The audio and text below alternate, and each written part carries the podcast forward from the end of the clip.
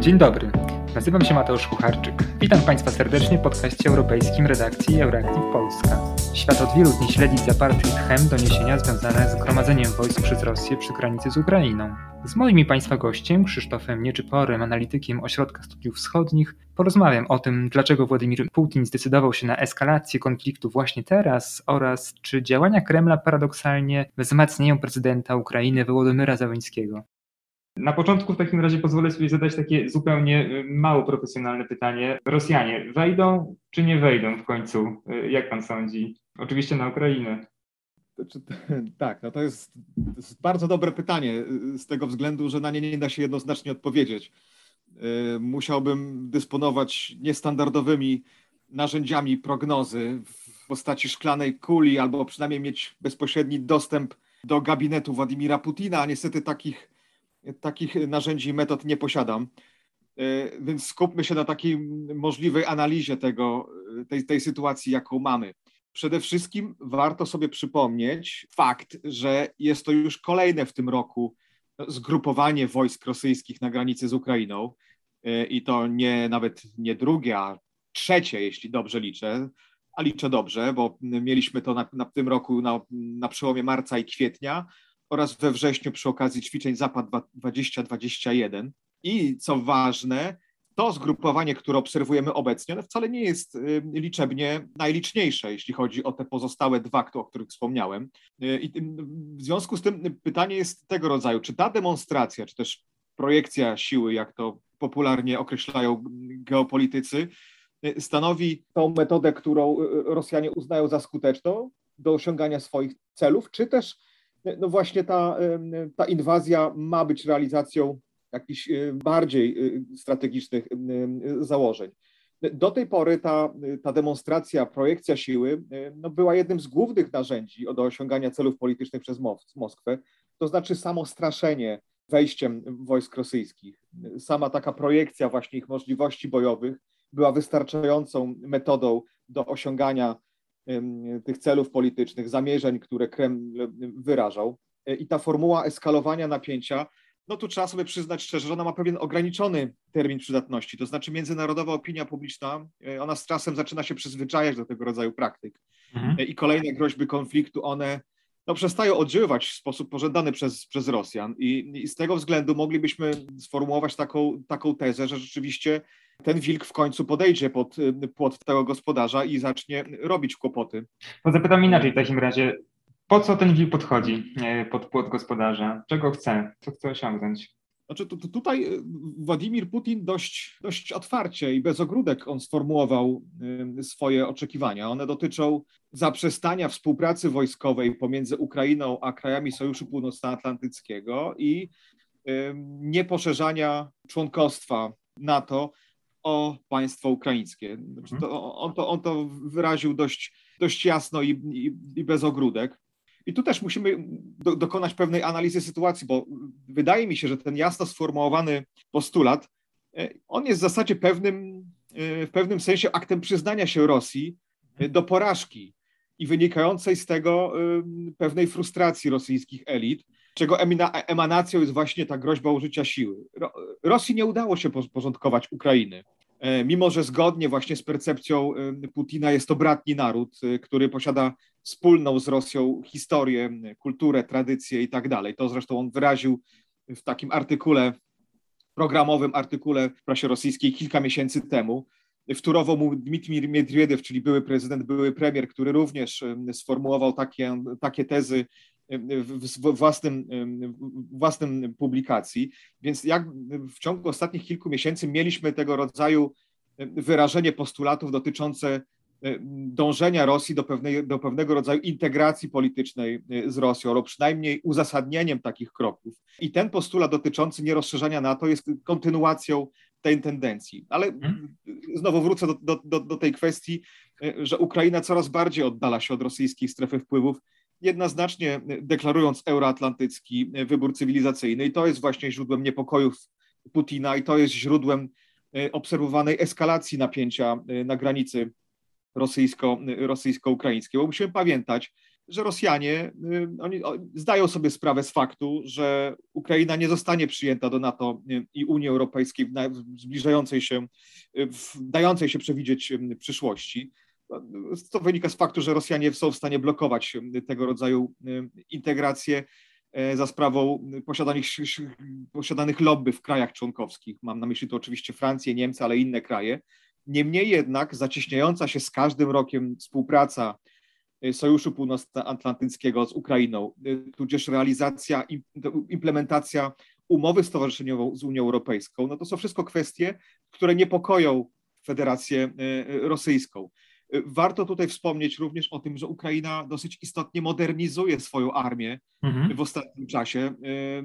Mamy podpisane kilka istotnych umów, kontraktów właśnie z krajami członkowskimi Sojuszu Północnoatlantyckimi. To jest Wielka Brytania, z którą Ukraina ma podpisaną umowę dotyczącą rozbudowy floty i budowy bazy marynarki wojennej, zakupu dronu, dronów i budowy zakładów ich produkcji z Turcją, zakupu śmigłowców we Francji toczą się rozmowy dotyczące systemu rakiety obrony powietrznej ze Stanami Zjednoczonymi. To, jest również, to są również zakupy um, systemów obrony przeciwpancernej z USA, słynne Javeliny. Ta, ta, ta współpraca wojskowa y, z krajami północna, Sojuszu Północnoatlantyckiego, ona jest realizowana i to dość intensywnie w ostatnim czasie. I to wszystko stanowi dla Rosjan poważne zagrożenie w postaci uzyskania przez Ukrainę istotnego potencjału wojskowego, który mógłby odebrać Moskwie status całkowitej dominacji na polu walki e, z Ukrainą. I w związku z tym opowiadam o tym właśnie z tego względu, mhm. że mogłoby to sugerować, że to jest ostatni moment, to jest takie pewne okno możliwości, które Federacja Rosyjska może wykorzystać przed tym, zanim Ukraina w sposób istotny e, zmodernizuje swoją, swoją armię, podniesie potencjał swoich zdolności bojowych. Ta modernizacja, ona właśnie będzie dokonywana w najbliższym czasie, w przyszłym roku i w 2023. I z tego względu uderzenie na Ukrainę w tym momencie ma pewne uzasadnienie, aby odwrócić te niekorzystne tendencje. Mhm. To jest jakby jeden właśnie z tych, z tych powodów, dla których ta oczekiwana eskalacja może doprowadzić do, do wybuchu y, y, konfliktu na szerszą skalę. Ale jeśli mogę, jeśli mogę, jeszcze, jeden, jeszcze jedną kwestię, która wymaga, wydaje, wydaje mi się, wymaga pewnego omówienia. Otóż nie mniej ważnym czynnikiem jest y, również to, że, że Rosja przegrywa Ukrainę wewnątrz tego kraju. Wydaje mi się, że Kreml traci złudzenia, jeśli chodzi o zmianę polityki w, w ukra ukraińskich władz. Prezydent Zołański o ile na początku swojej kadencji był postrzegany przez Moskwę jako niekompetentny, niedojrzały, niedoświadczony polityk, którym będzie można łatwo manipulować, e, on okazał się odporny na rosyjski wpływ, na, rosyjskie, na rosyjski szantaż. E, co więcej, on podjął szereg kroków, które Kreml może potraktować jako rzucenie mu wyzwania, chociażby objął sankcjami rosyjskich polityków na Ukrainie, z Wiktorem Medwedczukiem na czele. Nałożył sankcje na kontrolowane przez nich media, które poszerzały rosyjską propagandę państwową na terenie Ukrainy. Zaktywizował działania międzynarodowe dotyczące konfliktu, rozwiązania konfliktu na Donbasie, chociażby doprowadził do spotkania w Paryżu formatu normandzkiego. Przekonał zresztą opinię publiczną o fakcie blokowania tego procesu negocjacyjnego przez Rosjan. To on przejął kontrolę nad tym procesem, to Zełenski przejął narrację na temat y, procesu negocjacyjnego y, y, w tej, w tej kwestii. No i wreszcie podjął inicjatywę tak zwanej Platformy Krymskiej, dając początek międzynarodowej debacie na temat rosyjskiej okupacji Krymu. Co więcej, antyrosyjskie, proeuropejskie nastroje w Ukrainie, one tylko rosną. To potwierdzają kolejne badania opinii publicznej, które stwierdzają, ponad 50% poparcie dla integracji Ukrainy z NATO i ponad 60% poparcie dla eurointegracji Ukrainy. Wygląda na to, że taka eskalacja działań przez Moskwę no, wyraźnie wzmacnia prezydenta Wołodymyra Zełenskiego i jego ekipę. Tak, znaczy to są, to są te dwie kwestie, o których wspomniałem. Y, ta, y, ta współpraca wojskowa, osiąganie potencjału wojskowego, które będzie zdolny przeciwstawić się y, y, Federacji Rosyjskiej oraz te nastroje proeuropejskie, które wzrastają. To są dwie, dwie przesłanki, które mogą sugerować, że Rosjanie po prostu czują się postawieni pod ścianą, a jak wiemy, każda istota, która nie, nie, tylko w sensie biologicznym, ale mam wrażenie, że również w sensie politologicznym, postawiona pod ścianą, nie mająca żadnej alternatywy wobec niekorzystnego dla siebie rozwoju wypadków, może podejmować działania, które ocierają się o szaleństwo, ale które w percepcji mogą okazać się jedyn, jedynymi skutecznymi. Taką może się okazać właśnie eskalowanie napięcia,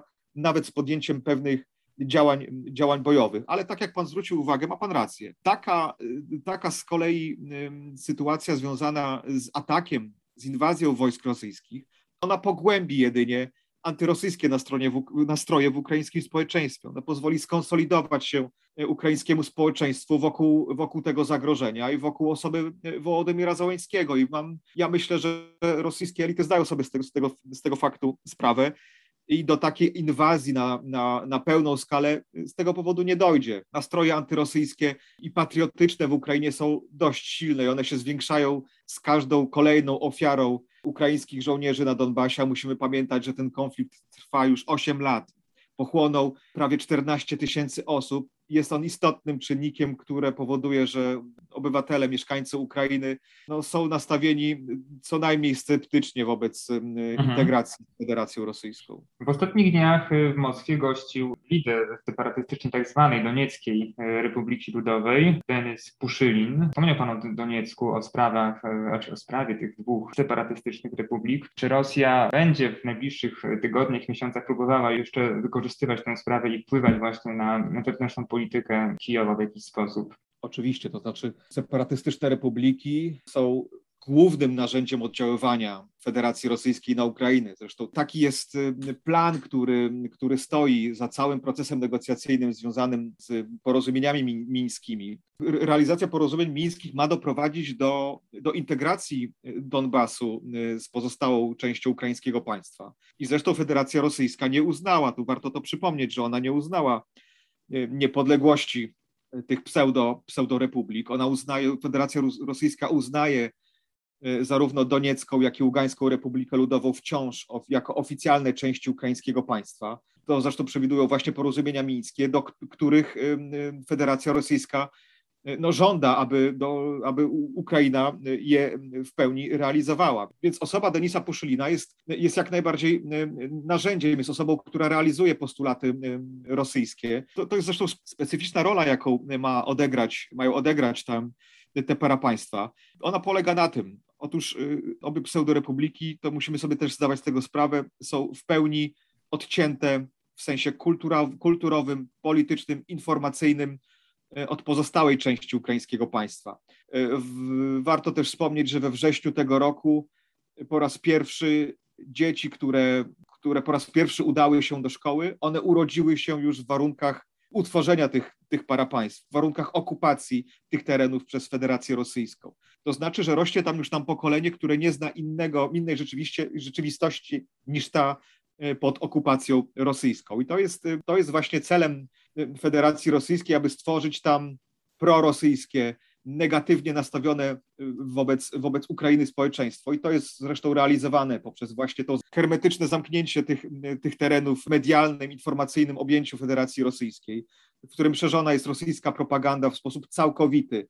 Tam kanały telewizyjne, stacje y, radiowe są całkowicie, ukraińskie stacje, stacje telewizyjne i radiowe są całkowicie odcięte od tych terenów te tereny pozostają pod całkowitą blokadą informacyjną i w związku z tym nastroje, budowanie tam nastrojów społecznych ma w zamiarach y, Kremla być takim lewarem, taką, taką dźwignią na sytuację polityczną w Ukrainie już po realizacji porozumień mińskich, czyli po, po przyłączeniu tego, tego regionu do Ukrainy, bo do tego dąży Federacja Rosyjska, aby ten Donbas prorosyjski, negatywnie nastawiony do elit ukraińskich i do ukraińskiego państwa jako takiego, był jednocześnie częścią tego państwa i był taką kotwicą, która będzie blokować jakiekolwiek europejskie i atlantyckie zamiary władz w Kijowie. Sprawdziłem w prasie w ostatnich dniach informacje na temat gospodarki Ukrainy i przyznam szczerze, że trochę zaskoczyła mnie ta informacja, że PKB Ukrainy dochodzi do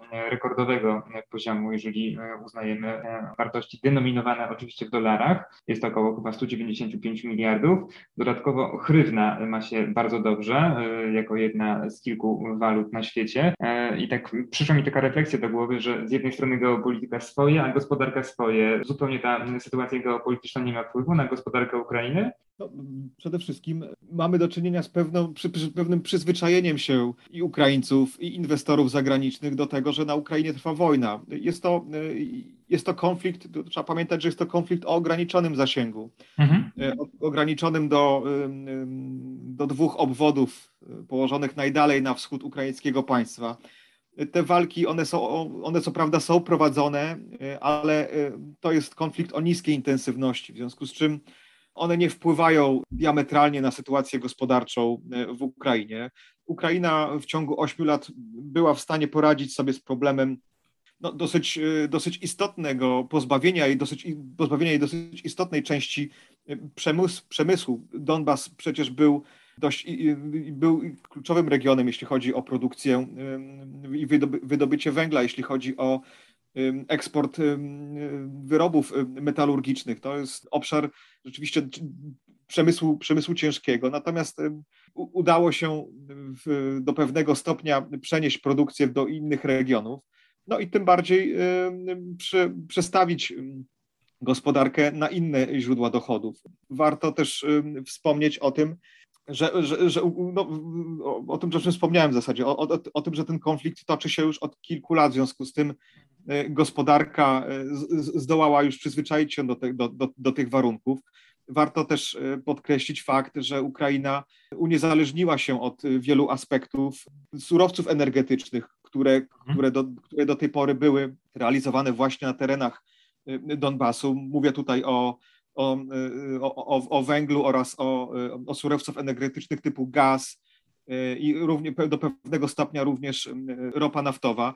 Jeśli mhm. chodzi o gaz, to y, Ukraina zdołała w ciągu, w ciągu siedmiu lat całkowicie uniezależnić się od dostaw rosyjskich, a do 2014 roku była uzależniona w ponad 90% od, od, od tych dostaw. Więc mhm. gospodarka Ukraina podjęła naprawdę bardzo duży wysiłek, aby uniezależnić się od od terenów, które pozostają obecnie pod, pod okupacją rosyjską, jak i również od samej Federacji Rosyjskiej.